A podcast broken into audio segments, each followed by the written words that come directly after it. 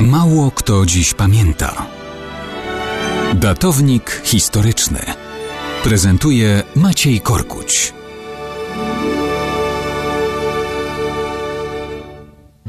Mało kto dziś pamięta, że 8 września 1831 roku, a więc dokładnie 190 lat temu, generał brygady Wojska Polskiego Piotr Bonton podjął decyzję o pogodzeniu się z rzeczywistością. Nie po raz pierwszy. Wszak był Francuzem urodzonym 54 lata wcześniej w Paryżu, synem francuskiego stolarza. Nazywał się Pierre Charles François Bonton. W 1796 roku wstąpił do armii rewolucyjnej Francji. Walczył pod dowództwem różnych generałów na wielu wojnach.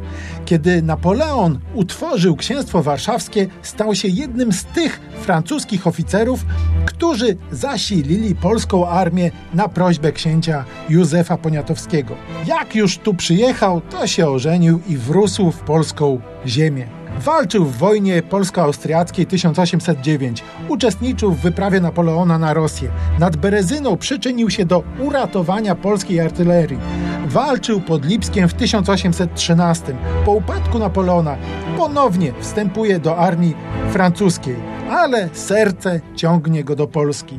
Już trzy lata później znowu służy w polskim wojsku, tym razem Królestwa Kongresowego zostaje generałem i poddanym rosyjskiego cara. Jest m.in. dowódcą korpusu rakietników. Kupuje majątek ziemski pod Płockiem. Kiedy wybucha powstanie listopadowe, zostaje Francuzem, generałem wojska polskiego walczącego z Rosją. Fortyfikuje m.in. Warszawę, przygotowując ją do obrony w 1831 roku.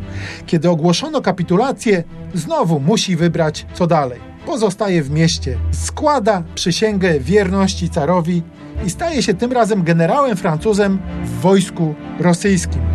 Pracuje przy testach rakietowych pocisków artyleryjskich. I tak się dzieje, że w czasie jednej z prób dochodzi do eksplozji. Ginie w Petersburgu w 1840 roku. Jego szczątki w 2013 roku zostały odnalezione w polskiej ziemi. I w ten sposób syn stolarza, generał, Francuz, wrośnięty w polską ziemię, został jeszcze raz uroczyście pochowany.